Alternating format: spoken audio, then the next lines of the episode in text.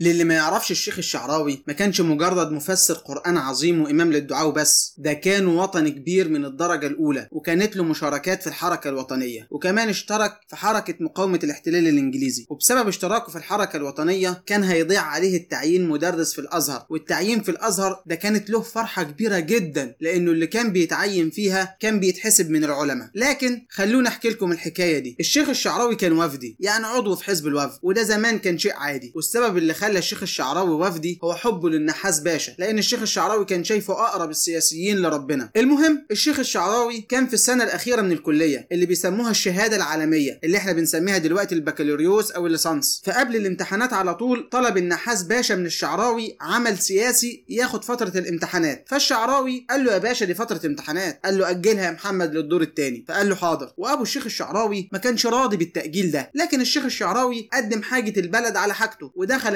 امتحانات الدور الثاني وكانوا كلهم سبع طلاب اللي معاه مادة واللي معاه مادتين وبالكتير ثلاثة ومفيش حد دخل امتحانات الدور الثاني كله إلا الشيخ الشعراوي لأنه ما دخلش امتحانات الدور الأولاني أصلا. المهم إن الامتحانات كانت تخلص يوم خميس ويوم السبت اللي بعده على طول ينتهي التقديم لوظيفة مدرس بالمعاهد الأزهرية وكان لازم يمتحنوا اللي متقدمين وده امتحان كان بيتعمل كل أربع سنين. يعني لو ما دخلوش السنة دي هيستنى أربع سنين كمان. والشيخ الشعراوي كان محبوب ومعروف بشطارته سواء من الطلبه زمايله أو من مشايخه. المهم إن الشيخ الشعراوي يوم الخميس ده بعد الامتحان راح للشيخ إبراهيم حمروش عشان يساله عن حاجة وهم قاعدين بيتكلموا. افتكر الشيخ إبراهيم حمروش موضوع التقديم لوظيفة المدرسين فاتصل بسرعة على شيخ الأزهر الشيخ محمد مصطفى المراغي وقال له يا فضيلة الإمام عايزين بعد إذنك نأجل الامتحانات أسبوع كمان عشان الطلبة اللي امتحنوا الدور الثاني يقدروا يدخلوه. فشيخ الأزهر قال له لا والأولاد اللي قعدوا للدور الثاني دول طلبة خايبين ما ينفعوش يدرسوا في الأزهر والشيخ حمروش